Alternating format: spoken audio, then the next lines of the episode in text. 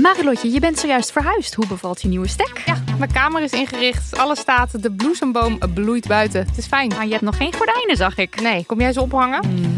Maar het ding is dus, desondanks alles slaap ik als een koningin dankzij mijn matras van Emma Sleep. Een prinses zonder ert ben jij. Al leg je een ert onder mijn matras, ik denk niet dat ik er last van heb, want het is een hemelsding. En dan heb ik ook nog mijn Emma Diamond Pillow. Jouw slaapkamer is een slaapparadijs. Wil jij dat nou ook? Ga naar emma-sleep.nl en daar vind je moederdag sale met kortingen die oplopen tot wel 50%.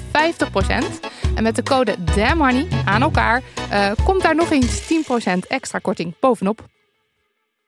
Van het koude Nova Zembla naar het warme Suriname en van Rembrandt naar Judith Leister. Ik ben Hubert Totan en in de podcast In het Rijksmuseum praat ik met specialisten over de verhalen achter mijn favoriete kunstwerken. Nieuwsgierig? Beluister nu de nieuwe afleveringen. Dag lieve prinsen en prinsessen en ander volk. Welkom bij Damn Honey.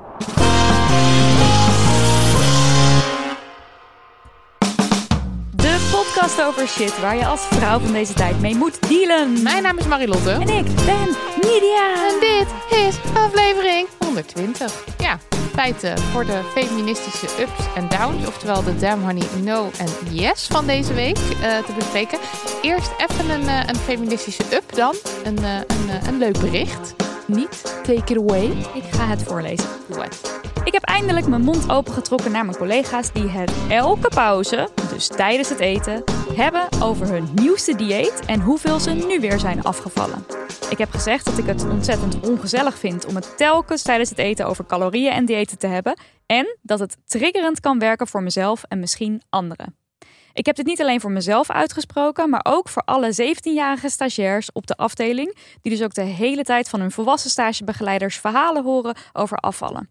Slecht voorbeeld. Vooral omdat we zelf in de psychiatrie werken. De pauze en dus het moment eh, om te eten moet een moment van ontspanning zijn en van bijkletsen. Niet van je druk maken over hoeveel kilo's er te veel zijn bijgekomen deze week. Collega's reageerden verrast, maar gaven wel aan hier in het vervolg rekening mee te houden. Met jullie stemmen in mijn achterhoofd heb ik mij op microniveau uitgesproken. Stiekem best trots. Liefs. Yay! Microniveau. Microniveau, zo simpel is het. Ja, lekker bezig. Ja, en zo irritant inderdaad. Ja. En ook gewoon schadelijk. Los van dat het vervelend is, ook gewoon schadelijk. Misschien is het ook gewoon dat mensen niet zo goed weten waar ze het anders over moeten hebben. Dan ga je het dus maar over calorieën hebben. Ja, of dat je in zo'n cirkel komt van we hebben het altijd over calorieën. Dus dan ga ik het nu ook maar over calorieën hebben. Want Ja. dat is blijkbaar een goed onderwerp. Dat en kinderen.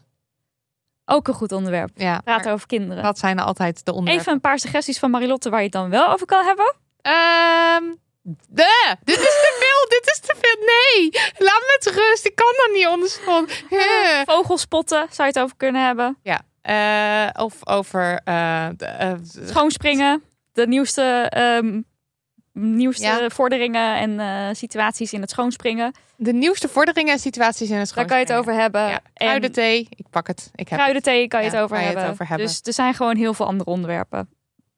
Doe het daarover. Doe het.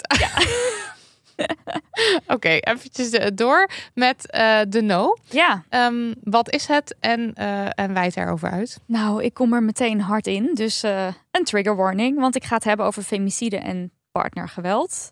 In principe een doorlopende damn honey no. Ja, maar het was in het nieuws ook veel weer. Daarom. Ja, nee, maar het is natuurlijk, ja, femicide, daar kunnen we het elke week over hebben. Ja. Want letterlijk ehm, elke acht dagen wordt er in Nederland een vrouw vermoord. Dat is een keiharde statistiek. Dus wij Dat het. kunnen elke week, kan ik hier dat als Damn Honey No eh, vertellen.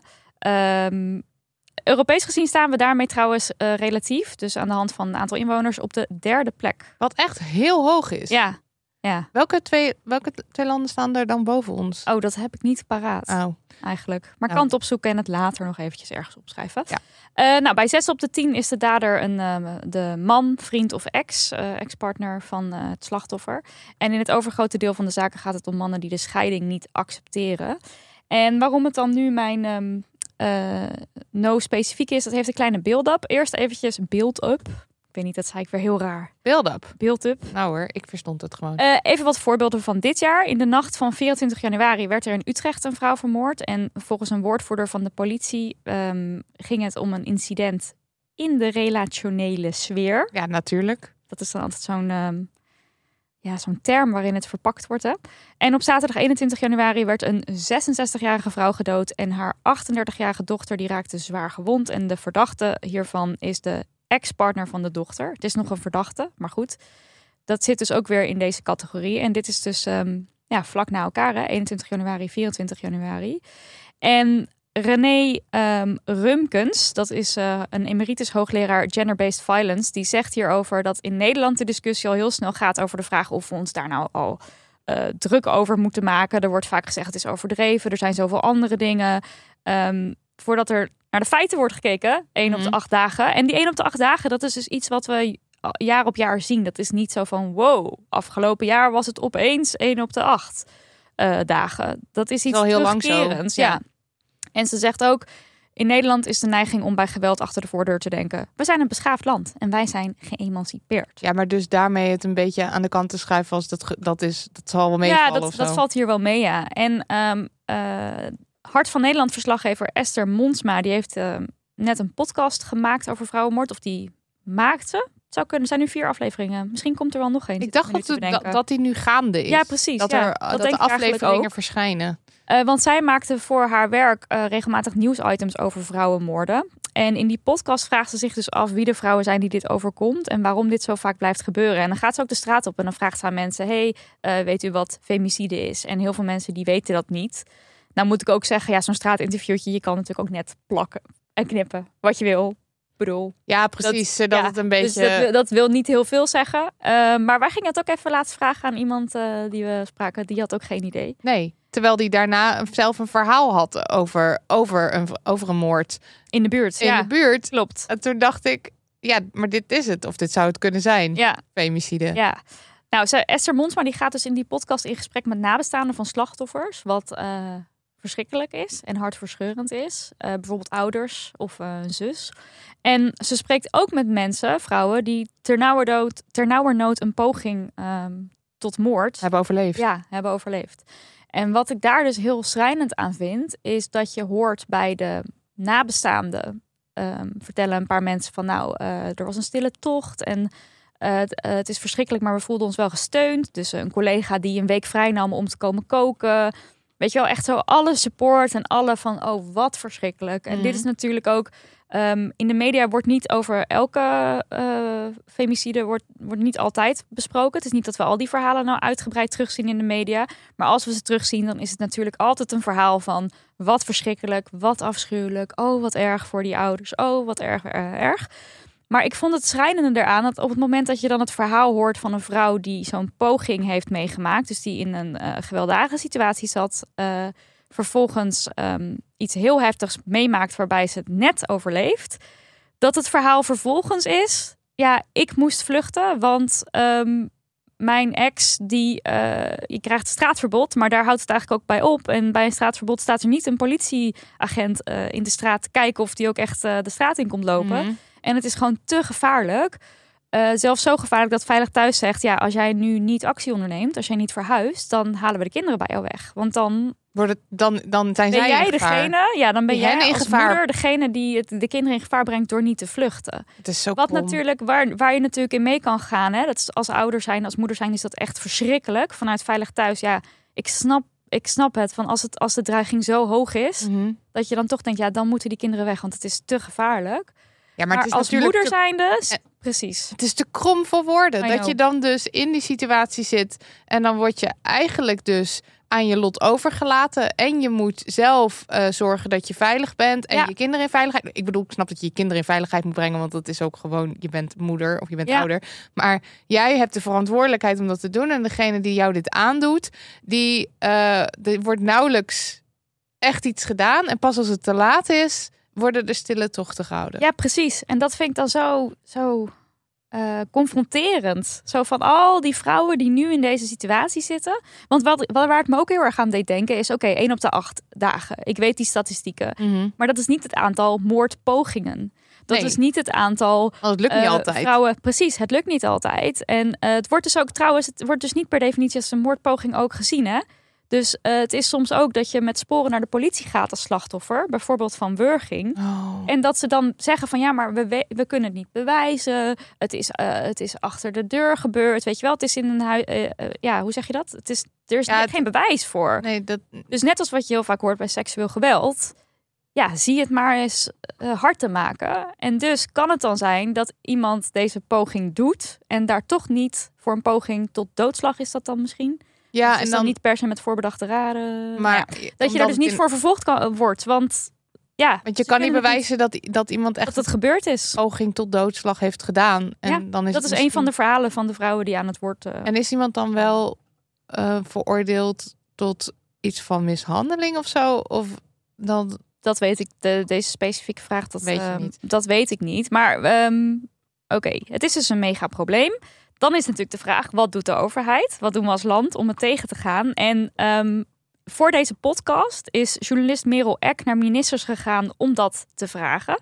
En ze sprak eerst met minister Frank Weerwind. En dat is de minister voor rechtsbescherming.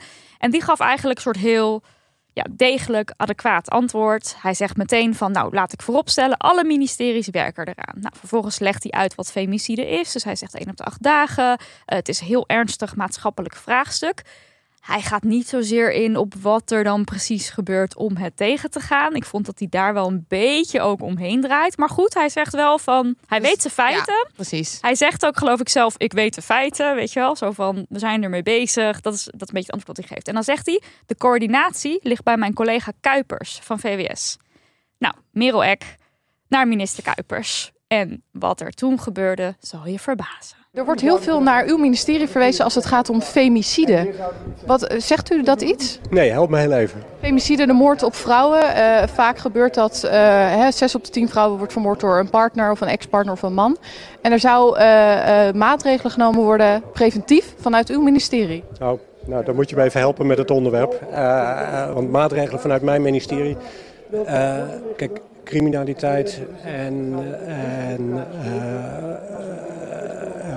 eh, zaken tegen vrouwen is een ontzettend belangrijk onderwerp. Eh, kijk allereerst naar het, eh, het allereerst een onderwerp voor gesprek met de minister van JNV.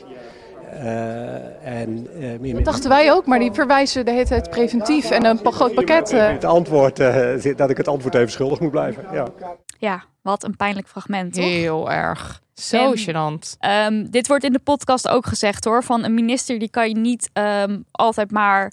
Je kan niet altijd verwachten van een minister dat hij zijn feiten paraat heeft. Weet je wel, je wordt toch ook enigszins overvallen door zo'n vraag. Dus eh, natuurlijk is het heel begrijpelijk dat iemand niet direct een heel praatje heeft van. Oh ja, femicide, dat is dit, dit en dit. En dat betekent dat we dit, dit en dit doen. En dit, dit en dit. Sowieso is het een een soort mega algemeen beeld van wat femicide is, is toch niet te veel gevraagd? Nou, precies. Want er zit natuurlijk een heel groot verschil tussen het woord niet kennen en, En eh, niet, niet direct eh, een antwoord weten op hoe we dit op gaan lossen en hoe we dit aanpakken en hoe we dit coördineren. Precies. Eh, dus nou, ik stond echt paf toen ik dit hoorde. Ja. Nou, wat bleek nou later?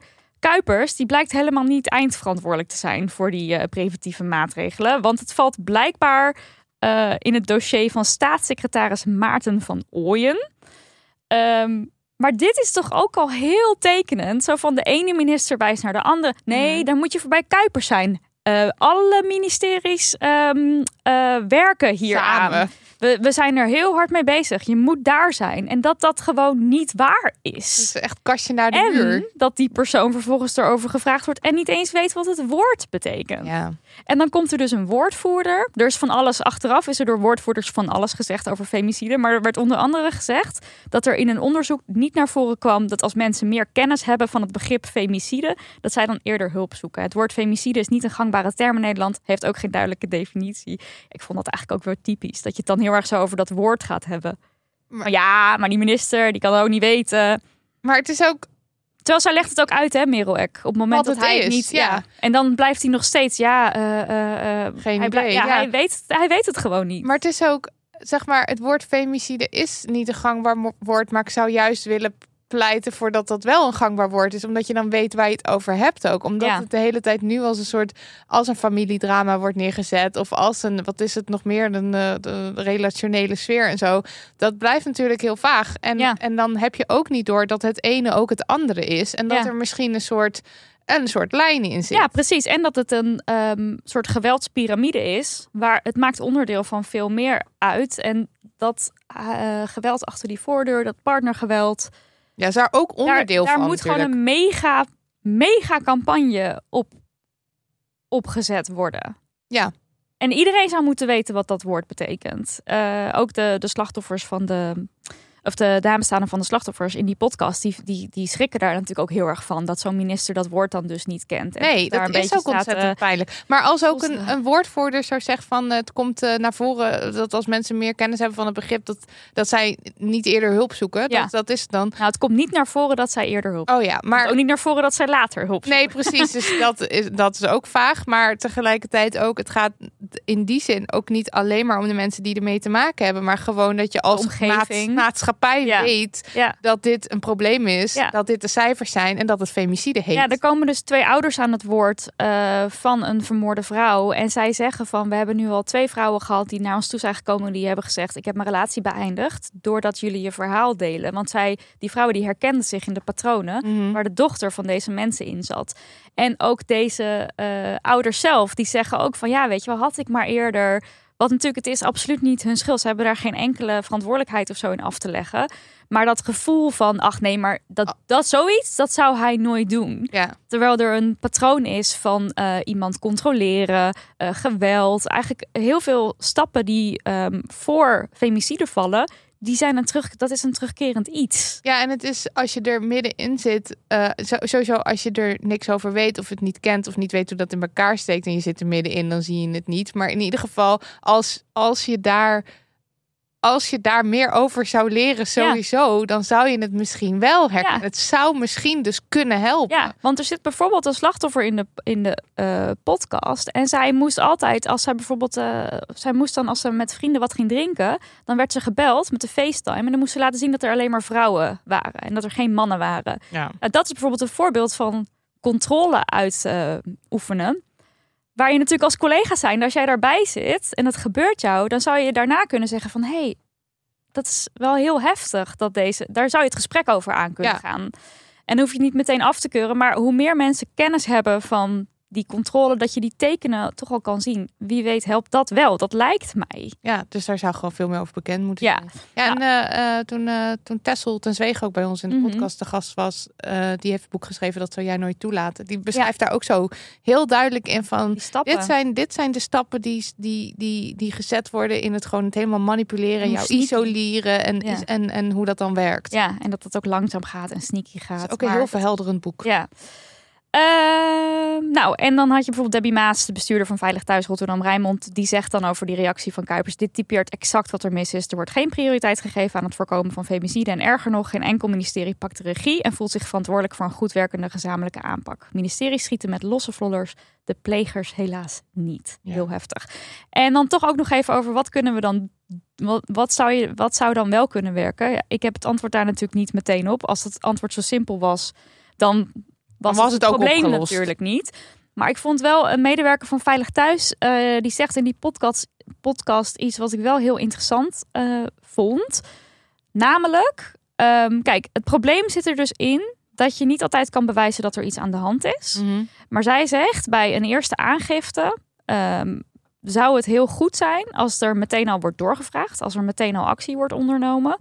En dan hoef je die persoon nog niet meteen achter de tralies te zetten, de dader. Maar je zou bijvoorbeeld eh, aan gedwongen verplichte hulpverlening kunnen denken. En dan zegt ze, net zoals als je met te veel alcohol breidt, dan krijg je ook een verplichte cursus die je moet volgen. Nou, als jij je partner mishandelt, dan moet jij verplicht een hulpaanbod accepteren. Doe je dat niet, dan zijn er consequenties. Ja. En ik snap dat het heel ingewikkeld ligt, want het valt misschien niet te bewijzen, maar ja, ik, dit het klinkt als een soort eerste. Want die hulp, ook psychische hulp. Want vaak zitten de daders ook klem in een soort, gedag, eh, soort gedragspatroon.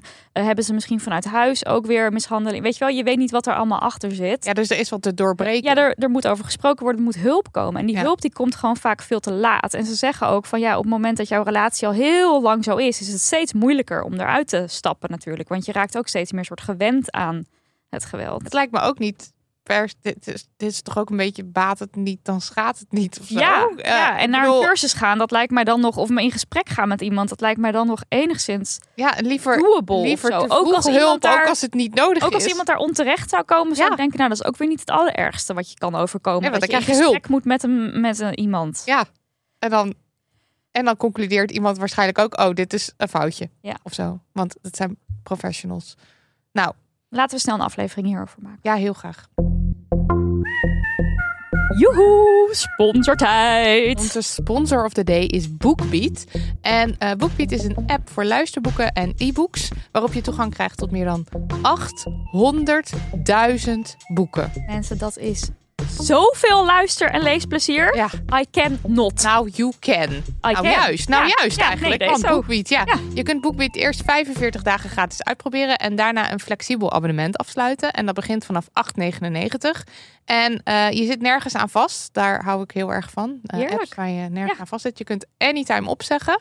Ehm, ik zit de aankomende 15 uur eh, deze week. En aankomende week zit ik zo'n 15 uur in de trein. Sorry, ik zei het verkeerd. Aankomende week zit ik zo'n 15 uur in de trein op weg naar Spanje. Dus ja, ik kan mijn geluk niet op eigenlijk met deze, met deze sponsor, met BookBeat. En ik begreep dat jij een BookBeat tip hebt. Ja, maar wel met de kanttekening. Het is een hele zware tip. Ik Mhm. weet niet of het nou je reis naar Spanje heel goed inluidt. Ehm, het is het meest recente boek dat ik luister. Dat heeft heel veel indruk gemaakt. Het is het boek van cabaretier Sarah Kroos. Rood is ja. Dus eh, even een trigger warning. Want het boek gaat over seksueel misbruik. En ja, dit boek, wat kan ik erover zeggen? Het is... ehm, seksueel misbruik is natuurlijk een thema wat heel zwaar is. Tegelijkertijd hebben heel veel mensen ermee te maken. En bijvoorbeeld eh Iva Bicenic, die is ook bij ons te gast geweest, hè, hoofd van Centrum Seksueel Geweld, die zegt altijd: het moet meer in het licht. Nou, wat Sarah Kroos met dit boek doet, is absoluut in het licht treden over dit eh, onderwerp. Eh, ze schrijft over haar opname in een psychiatrische kliniek. En dan zegt ze, nou, ik dacht dat ik daar wel de bodem van de, de wanhoop bereikt te hebben. En dan blijkt, zo schrijft ze, nog een luik in de bodem te zitten. Want ze krijgt wederom te maken met seksueel geweld. Ook iets hè, wat Iva Bicenic vaak Ja. noemt. Die, die verhoogde kans Dat je van meer ehm, kans hebben om er weer mee te maken. Precies, om nog een keer mee te maken. Eh, waar ook natuurlijk weer allerlei schaamte en gevoelens. eh, de, de herhaling ervan is weer anders dan de eerste keer. Dat brengt natuurlijk ook weer allerlei dingen met zich mee. Nou, Sarah die kan daar heel scherp en goed over schrijven. En soms ook grappig over schrijven. Ze heeft natuurlijk een enorm komisch talent. eh, wat echt wel blijkt in het boek. Maar echt niks dan lof over dit boek. En eh, ja, je kunt het dus beluisteren op BookBeat. En ondanks de zware thematiek, ja, ik, ja, Ja, waar, we willen ja. dat veel mensen wel over dit onderwerp weten, laat ik het zo Ja, en als zij het dan zo goed en toegankelijk opschrijft, dan, eh, nou ja, heftige, maar, de, maar goede tip. Ook even luchtige tip voor jou onderweg. Eh, Mhm. de heerlijk gezellige boeken van Richard Osman over een groepje hoogbejaarden dat moorden oplost. Ja, ik kreeg deze aangeraden in de Heerlijk. boekhandel. Want ik heb het Ja. boek niet gekocht, maar dan ga ik die in, Nou, oh, in de trein Ik luisteren. zit ondertussen al in deel 3. Het eerste deel heet De Moordclub en dan tussen haakjes op donderdag. I love it. Ja, ga maar I love it. Oké, nou probeer BookBeat 45 dagen lang gratis uit met de code DAMHoney. En dat DAMHoney schrijf je aan elkaar. Eh, en ga daarvoor naar bookbeat.nl slash damhoney. Of check even de link in de beschrijving van deze podcast. Marilotte, Ja. wat is jouw yes? Nou, er is een primeur aan de hand. En de primeur is het volgende. Eh PvdA-europarlementariër Vera Tax is de eerste prinses carnaval van Venlo. Start de carnavalsmuziek maar in, Daniel. Ja, maar we hebben- Dit valt niet binnen Nee, de Venloze muziektraditie wellicht. zeggen, Sorry, dit was dit nou weer offensive? Waarschijnlijk, dit is niet Sorry. de Venloze liedcultuur. Maar we kunnen misschien een ander nummer dat, dat, dat Daniel dat doet. Ja. Ehm, maar goed, eh, we gaan even een Venloos lied. Ik zet het hier neer. Ven, insert Venloos lied. Plaît. Eh, ze is door eh, carnavalsvereniging De Gaaskettel opgericht in 1969 in Noord-Venlo. Uh, uitgeroepen door, uh, door de vorst, Davy uh, Uilings. Oh, dat is een soort, dat geef je dus over? Nou nee, de vorst is zeg maar een soort van de voorzitter van de vereniging. Volgens oh, mij ben je dat meer, meerdere jaren. En die stelt dan de prins en het driespan aan. Dus de, de prins afgelopen jaren en dan de ja. assistenten van de prins. Ja. Maar in dit, dit jaar is dat dus voor het allereerste een prinses. Maar er is dus niet ook een prins? Begrijp nee, dat volgens mij niet. Want dat Wat? vind ik eigenlijk dan nog extra tof. Ik ook, want het is niet zo van er is nu en een prins en een prinses, maar er staat echt op de website van de Gaaskettel staan gewoon Vera de Eerste en haar, uh, en haar uh, adjudante, persoonlijke assistenten, ja. Emmy en Nina. Oké, okay, dat is geweldig. Toch? Ja, en ook um, ik, uh, carnaval heeft zoveel traditie en zoveel ja, gewoon vaststaande dingen, dat dit echt wel een hele grote stap is. Ja, en ze, ze, want er, ze hield een toespraak, Vera, en uh, ze heet dan nu Vera de Eerste. Uh, de, de eerste. Die had het, en die had het ook over van, uh, en dan in een, Venlo, een geweldig Venloos accent. Misschien kan het zo meteen ook wel even dat fragmentje erin, Daniel. Um, Daniel? Dat, en wat er zie aan is, is door mij, is dat plafond, wat heet, hoe je het zo een gruzelementen door mijn kinderen daak eraf. We hebben er zin in. We hebben er heel veel zin in. Dus we wensen ook een hele schone vaste lovend. Het daak gaat eraf. Uh, dat zij ook zegt, uh, het glazen we gaan door het glazen plafond heen en uh, het is tijd om... Oh, het dak gaat eraf, zegt Ja, het dak gaat, we gaan ja. door het glazen plafond ja, en het dak, dak gaat, gaat, eraf. Wat een quote. En ja, dat was best wel leuk. En um, Vera en Davi en ook Jan van Mersbergen, de, de carnavalskenner van Nederland, die schoven aan bij de Nieuwsbv, bij... Um, bij Natasja Gibbs. En toen ging dus uh, de vorst vertellen van uh, uh, hoe het dan tot stand was gekomen. Dus Davy Uilings. En hij was dus in het begin dus niet zo enthousiast. Want dit is zijn mhm. eerste jaar als vorst. En hij was eerst een soort van, ja, ik weet niet, want ja, het is mijn eerste jaar. En ja, uh, als ik dan gelijk allemaal dingen ga veranderen. Ik, ik weet snap niet, dit ik dus heel goed. Ik, hè? ik, bedoel, ik ben nee, nee, nee. all voor emancipatie, maar ik snap echt dat het echt wel het is echt een grote keuze of stap. Absoluut. Nee, ja. ik snap het ook. Maar ik vond het gewoon heel grappig om hem, want hij vertelde dat zo. Ja. En uh, maar toen ging hij dus gesprekken hebben, ook met Vera zelf, maar ook met gewoon mensen in die vereniging en zo. En toen bleek dus eigenlijk dat iedereen er wel voor open stond. En dat yes. vind ik dus heel erg leuk. Maar we hadden natuurlijk vorig jaar ook uh, Carlijn van Kruchten. Ja, maar ja, en die heeft daar toch wel denk ik misschien een kleine rol dan in gehad. Dat zal een klein beetje, want het was niet, nog niet officieel. Nee, want zij heeft vorig jaar zichzelf uitgesproken als ja. of uitgeroepen als stadsprinses van Venlo, omdat er dus niet, uh, niet officiële prinsen werden uitgeroepen, omdat het um... officiële prinsessen. Ja, maar prinsen ook. Oh, uh, okay. Zeg maar de Jokus, de oudste vereniging ja? van Venlo, die had toen ook niet een driespan omdat het corona was. Oh, dus ze hebben toen niet. En dus dat, toen was... dat, dat voelt voor mij alweer zo. Dat is... I know. Maar uh, omdat er dus coronamaatregelen waren, hebben ze het volgens mij niet officieel uh, gevierd. Of het is zal wel. Carnaval ja. dus vorig jaar niet echt gevierd. Dan dus. Ja, want, mij begonnen, begonnen wij het jaar niet ook met een... Ja, in de lockdown, ja. ja. Dus misschien was het daarom dat het, dat het allemaal niet kon of zo. Ja. Uh, dat lijkt mij. Um, maar toen heeft zij zichzelf uitgeroepen als stadsprinses. Want Venlo, werd, of Venlo vierde natuurlijk wel carnaval, maar dan gewoon dus niet zo officieel. En ze heeft kort in onze podcast toen een berichtje ingesproken. Ja, en daarover. dat was heel erg leuk. Maar daar heeft ze dus denk ik toch, daar is ook wel media-aandacht voor geweest. Dat helpt toch ook dat zij dan vorig jaar dat al heeft gezegd. Ik denk en het, het gaat wel. toch een beetje in hoofd ja. zitten. En de eerste, het eerste gevoel is misschien weerstand, maar... Ja. Tegelijkertijd heb je dan een jaar lang om te denken, nou ja. We doen het. Ja, want, ja. want ja, dat, dat zo'n vorst van zo'n vereniging ook zegt, ja, nou ja, we moesten even die gesprekken hebben en zo. Nou, als Carlijn dat inderdaad een beetje zo Wie voor weet. een eerste vuurtje heeft. Ge... Maar goed, Jokus, de oudste carnavalsvereniging van Venlo, die, wil, die wilde nog niet aan. Uh, nee, oké. Okay, ja. die, die, die doen dat nog niet. Uh, maar de gaasketel geeft dus wel het goede voorbeeld. Um, en uh, over bijvoorbeeld toen Carlijn van Kruchten zichzelf als stadsprinses uit, uitriep, toen werd natuurlijk ook de voorzitter van Jokus werd toen ook gevraagd van hoe, uh, hoe denken jullie dan wat, over? ja, gaat het dan gebeuren? Ja. En ze hebben daar dus ook een soort jongerenvereniging, Jokus Toekomst. Oh ja. En daar mogen zowel meisjes als jongens mogen daar prinses en zeg maar die mogen helemaal zo in al die officiële dingen en zo. Maar dat is dan meer dus om de jeugd kennis te laten maken met carnaval. Maar carnaval. als je dan dus carnaval, carnaval. vast te loven. Vast te loven. Vast te loven. Oh, oh, dit is heel erg misschien sorry. hoor. Nou, ik zeg carnaval dan. Carnaval. Um, maar als je dan dus uh, echt bij Jokus bent, dus bij de officiële vereniging, dan mogen er dus volgens nog alleen maar mannen overal.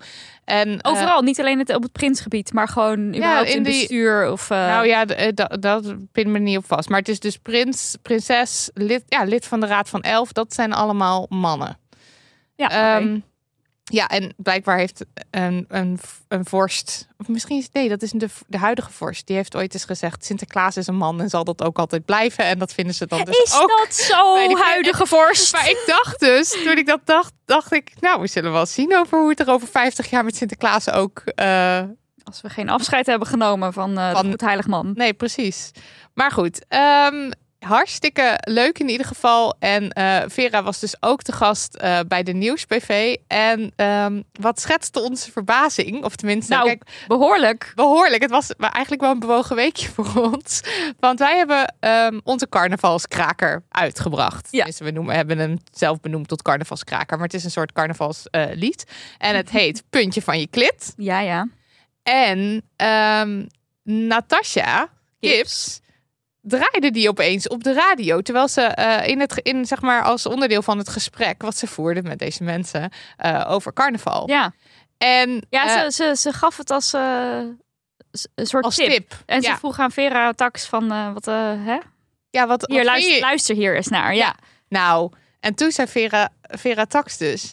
eh, ja, nou, dit is gewoon hartstikke belangrijk. Want we hebben een, eh, we hebben een loonkloof. We hebben, een, eh, we hebben ook een orgasmekloof. En op zijn minst moeten mensen gewoon het verschil weten tussen een vagina en een vulva. Dat is de Ja. tekst van ons liedje. Ehm, en die snapt het gewoon helemaal. Ja, dat was leuk. Ik vond dat echt amazing. Ik vond dat echt geweldig. Toen zei de vorst bij ons in Limburg, eh, ja, dat, eh, ik denk niet dat dat aanslaat. Want eh, ja, daar hebben we vrolijke meezingers. Ik heb er weinig mee met dit nummer. En toen zei Natasha Gibbs, ja, u heeft ook geen klit natuurlijk. Dat vond ik heel erg grappig.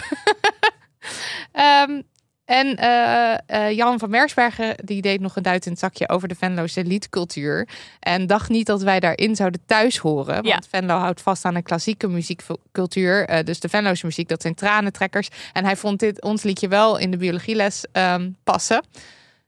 Toen Maar had- niet in het carnaval. Maar en toen het- deed hij dus in onze ogen de heerlijke uitspraak: zet je dit op, dan binnen een minuut is de half, helft van de kroeg leeg.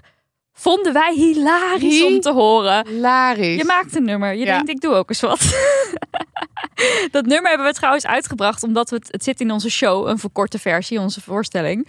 En elke keer als we onder de rivieren speelden, was iedereen zo: Dit moet je uitbrengen, dit is een carnavalskraker. Dus wij zo: Oké, let's go. Dus wij dat doen. Ja. Maar we hebben natuurlijk nooit, nooit het gevoel gehad van: Dit is oprecht een carnavalskraker. Als in: Dit gaat het land veroveren, dit gaat iedereen niet. kennen. Natuurlijk Trouwens, niet. wij zijn ook ontzettend import, import carnavallers. Als we al carnaval vieren, weet je wel. Ik bedoel, ik vind het leuk. Ik heb het Ja, een paar keer gedaan. Kijk, maar wij, ik mijn, ben- mijn ouders, ja, die zijn. Die zijn, fan. je kan veel zeggen, maar mijn ouders, ik kom wel uit een gezin.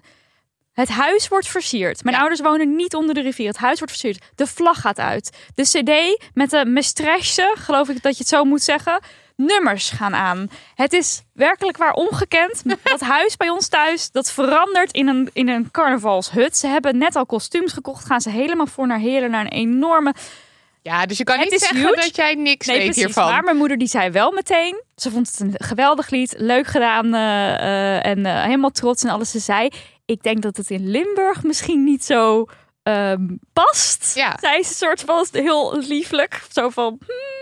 Maar eh, heel goed gedaan, meiden. Dat zei ze. Ja, Ja. en, en, En dat is- snappen wij dus ook heel goed. Ja, want eh, volgens mij, wij hadden het ook meer gedacht van, oh, dit past ook een beetje in de YOLO-muziek die je misschien meer in Brabant hoort. En in Limburg is dat, is dat veel meer een, een traditie, en een cultuur. en een bepaald soort nummers. Ja. En ook in de eigen taal. Of hoe zeg je dat dan? Eh, ja, de- dialect. ja, dus ik zou ook helemaal niet willen, Nee. willen de, de illusie willen maken dat wij in, in Venlo zouden doorbreken met dit nummer. Eh, sowieso überhaupt zouden doorbreken met dit nummer. Maar we vonden het gewoon ook echt heel erg leuk om te maken. Ja. En ja, sorry Jan, eh, want mensen noemden je toen een zuurpruim hierover, omdat wij zo'n edit hadden gemaakt. En dat Op was Instagram, ja, die we zelf hilarisch vonden. hilarisch vonden. Maar eh, dat was niet de bedoeling natuurlijk, want we nemen je, Nee. eh, je, je kennis en kunde natuurlijk ook gewoon hartstikke serieus. En we nemen het carnaval dus ook serieus. Ja. Want we kregen daar ook wel we, dat- we kregen daar ook wel reactie op van ja, er wordt vaak neergekeken op mensen met een accent, eh, buiten de randstad, op het carnaval. En dat is dus, dat wil ik echt duidelijk maken. Daar kijken er niet op neer. We kennen de traditie gewoon niet volledig. Nee. En dus kan je wel echt hele onhandige opmerkingen of dingen zeggen. Uh, misschien kan je zelf zeggen: blijf met je fikken van het carnaval af met je carnavalskraker, want je hebt er niks mee te maken. Ja. Dat is ook je goed recht, denk ik, als je dat zegt. Absoluut. Maar laten we even duidelijk zijn dat we er dus niet uh, op neerkijken of zo. Helemaal niet. Nee, en dat was dus niet eens, dat was niet eens in me opgekomen Nee, toen ook wij ook dat, want Die ja, ik weet ook niet zeker achteraf of we hem dan hadden gemaakt als we daarover na hadden gedacht. Nee, ik dacht echt, we zetten onszelf hiermee uh, te Ja, dat pakken. dacht ik ook. En dat vond ik hilarisch. Ik ook. Ik Maar goed, eh, goed. ik, heb die, ik heb die edit ook echt 1 miljoen keer hierover. Zullen we Puntje van je klit even helemaal achteraan deze aflevering editen? Ja, dat gaan we doen. Eh, dus dan kan je lekker naar luisteren. En hij is ook te luisteren op, eh, op Spotify. Eh, dus als je zin hebt, lekker draaien. En dan heb ik als laatste, eh yes, even een korte nog. We hadden het eh, vorige week over eh, het kapitalisme. En over hoe eh, de drijfveer van het eh, kapitalisme altijd maar winst en geld is. En waarom het niet anders kan. Dus ik weet nu precies wat jij gaat zeggen. Jij gaat namelijk Shell feliciteren. Ja, met de miljoenenwinst. De beste winst sinds Wederom. 125 jaar. En ze bestaan 125 jaar. En meer winst dan dat hebben ze nog nooit gemaakt. Ja, dat ging Dus jij zeggen. Dat was het. En dit was Damn Honey. Nee, niet waar. Dat is Nee. niet waar. Eh, ik wil graag eventjes het bedrijf Sprinkler in het, het is wel zetten. echt waar wat jij net zei. Ja, ja, dat ja, dat ja, ja. duidelijk is. Nee, maar het is absoluut niet. Niet daar ben ik Honey. boos over. En dat zou een no moeten zijn. Maar we hebben een andere no gekozen deze week. Ehm, dus eh, fucking Shell. Sprinkler. Sprinkler, die doet het wel heel goed. Sprinkler ehm, is een duurzame plantenshop. eh, en die zet zich heel erg in voor biodiversiteit. Ik heb mijn balkonnetje ingericht met uh, Sprinkler. Dit is geen reclame, hè, trouwens. Even voor de duidelijkheid. Nee, Dit is helemaal, oh, dit nee, is dit is no spon. We Nee. zijn gewoon best wel fans. Precies. Ja. Ja, en eh het is hartstikke leuk, want het zijn- zijn biologische, biologische planten. En eh, ze, ze denken dan ook na over, nou ja, over biodiversiteit. Dat je een goede variatie aan planten hebt, zodat er allemaal bijtjes en dingetjes komen. ja, en ook dat je planten koopt die, eh, of plant die van origine dan op een bepaalde plek horen te groeien. ja, dat het Dus in ieder geval dat het klopt. In lijn met zeg maar Ja. hoe moeder aarde het bedoeld Precies. heeft. En ook, eh, volgens mij denken ze ook na over eh, een soort variatie erin. Dat als, als je een tuintje hebt of een tuin hebt en het gaat heel erg regenen, dat het ook de boel afvoert en zo. Ja. En dat er niet overstromingen zijn. inheemse soorten. Dat is, dat is het woord wat ik Kijk. zocht. Nou ja, Ja. sowieso kijk even op die website, want het is echt eh, leuk. Want je leert er ook veel. Ja, vind ik ook. Want toen ik helemaal in mijn balkon gedoken was om dit eens goed te doen, dacht ik, we kunnen hier echt een aflevering over maken met Sprinkler. Oh my god. Maar goed, ga Ja. verder. Nou, en eh, de eigenaren eh, die, eh, van Sprinkler hebben Sprinkler officieel overgedragen aan de missie. En wat dat De betekent is dat ze niet meer winst willen maken. Dat is niet meer hun, hun uitgangspunt. Kijk, een bedrijf moet natuurlijk wel gewoon, er, er moet omzet zijn en er moet natuurlijk, het moet financieel gezond zijn, want anders kan een bedrijf niet bestaan. Ehm, maar zij leggen nu dus vast dat de onderneming niet langer een middel is om geld te verdienen, maar om de missie te dienen. En de missie is het vergroten van de biodiversiteit. Ja. En dat is gewoon heel erg cool. Dus dan heb je de eigenaren, dat zijn Suzanne en Liedewij, en de aandeelhouders. Die hebben de planten eh, webshop eh, uit het systeem gehaald van focus op winstmaximalisatie en verschoven eh, naar een systeem waarin de nadruk dus ligt op het creëren van maatschappelijke waarden. Ja, dus dat betekent, eh, als ik het goed heb begrepen, dat stel Sprinkler wordt nu een monsterhit, dat Suzanne en Liedewij gewoon hun vaste loon uitbetaald krijgen. Ja. Het is niet dat zij een soort van barmhartig, eh, ik werk nu voor niks. Nee, ze krijgen gewoon betaald. Maar dat ze dus niet aan de hand van die aandelen allerlei geld ehm Dus de bo- bonussen die je altijd hoort gaat bij. terug. Ja, Ja, gaat dat- allemaal gewoon weer terug die missie in. Ja, en dat en is... dit is toch inspirerend? Ja. Ja, Ja. Ja, maar ik had, want, want het is ook, ik had uh, naar aanleiding van dat gesprek over kapitalisme vorige keer met iemand een discussie die zei van ja, maar uh, dat, dat, um, dat meer verantwoord ondernemen en dat je bedrijven bijvoorbeeld uh, verplicht om in ieder geval een soort controle te hebben over of hoe mensen worden behandeld of hoe, hoe het milieu Mhm. impact heeft, dat dat um, uh, verplicht wordt. Toen zei iemand, ja, maar dan uh, voor je het weet heb je geen goede concurrentiepositie meer. En zo. Maar daar gaat het dan dus toch helemaal niet om. Dit is, heel, het is natuurlijk heel lastig als je zo in dat kapitalisme zit. Ja, dan, is het weet heel je moeilijk om er buiten te denken. Ja, en- me voorstellen. En ik denk dat als je heel erg niet in het kapitalisme zit en niet weet hoe het werkt, dan, dan lijkt het heel veel meer makkelijk om dan, dan doe je Tuurlijk, toch gewoon zo. Dan Maar gaat het toch niet gewoon... Des te dapperder van Suzanne en Liedewij om deze stap te maken. Want ik las ook in een interview dat een van de twee heeft gewoon een, eh, een, een eh, koophuis, geloof ik, en met kinderen. En dat is echt niet zo'n super stabiele omgeving waar zij in zit van nou, dit doe ik eventjes. Het was Nee, en best een zij- grote stap. En zij zei ook, ja, wat voor hetzelfde geld zit ik over tien jaar, ben ik fin- financieel zit ik aan de grond Kan, of zo. Dat kunnen. kan. Ja. Dus je neemt een risico en het is gewoon een compleet andere manier van denken. En eh, makes me think, we moeten echt, en dit was alweer een berichtje ergens, Ja, van, kan er niet een aflevering over kapitalisme? Aflevering over kapitalisme, aflevering over femicide. femicide. Ja, dus dat zijn eh, twee dingen die we dan hier uithalen. Dit was aflevering 120. Blijf hangen, blijf hangen, want het puntje van je klit wordt zo ingestart. Eh, de show notes vind je op dermoney.nl slash aflevering streepje 120. Daniel van der Poppen, Lucas de Gier en Lisbeth Smit, dank voor het helpen voortbestaan van Damn. Veel dank aan de transcripters Marleen, Marlou, Marloes, Elise, FQ, Shura, Melissa, Barbara, Joan en Fenna. En ook bedankt aan, het, transcri- aan de transcript software Amberscript. Want daar mogen wij gratis en voor niets gebruik van maken. En dat is heel erg fijn. We love it. We love it. Ehm, wij kletsen nog eventjes door in onze bonuspodcast. Eh, je doet het er maar mee. Ehm, die kan je luisteren. eh, Waar gaan we het over hebben dan? Wij gaan het hebben over... die mensen eens warm maken? De schoonspringen gaan we het over hebben. Absoluut, over kruidenthee. En we gaan het ook hebben over eh, de pech die ik had. Ik stond langs de snelweg namelijk. Ja, oh, auto. Leuk. gaat, het is een smeuig verhaal. Zo. En ik heb wijze lessen geleerd van de mensen Over het al dan niet bellen van 112 Ja. bijvoorbeeld. Ja, oké. Ja, ja, ja, ja. Dus nou, luister tune het. in. Of En dat, niet. ja, maar luister het via petjeaf.com slash damhoney. En dan kan Vanaf? dat vanaf 1 euro per maand. Eh, of niet natuurlijk. Groetjes. Daag zelf weten. Mijn moeder noemt het voorbips, mijn vader die zegt spleet. Schat, dat is nou je plasser. Ja, dat is hoe het heet. Maar spaarpotje of muis of muts, zo zit het allemaal niet. Dus leggen wij het nu eens uit in dit fantastisch lied. Dij, vulva, vulva, lip, vulva, lip. Dij, vulva, vulva, lip, vulva, lip. Plas, schat, vagina, puntje van je klit. Dij, vulva, vulva, lip, vulva, lip. Mijn moeder, hè? Die zei dus altijd tussen de liezen. Oké, wat? Maar dat is een enorm gebied. I know. Een vulva is geen vagina, dat is niet hoe het zit. Zoek het maar eens op. En ook gelijk die klit. Het is heus niet zo moeilijk, we deden Dus zing maar met ons mee, ja met z'n allen braaf in koor. Lip, vulva,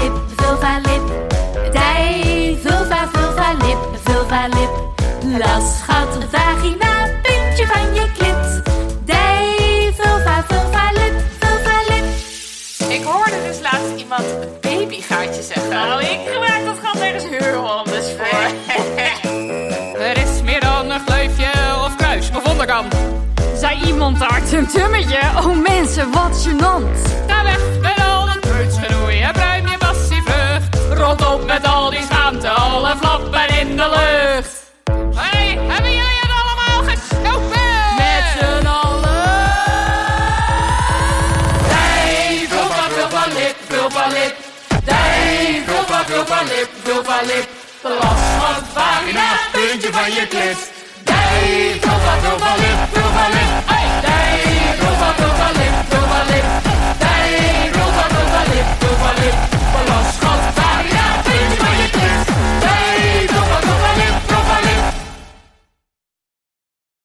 Kussens, bedden, matrassen, beddengoed. Emma Sleep heeft het allemaal. Ga naar emma-sleep.nl om van jouw slaapkamer een slaapparadijs te maken. Er is nu moederdag sale gaande met kortingen die oplopen tot wel 50%.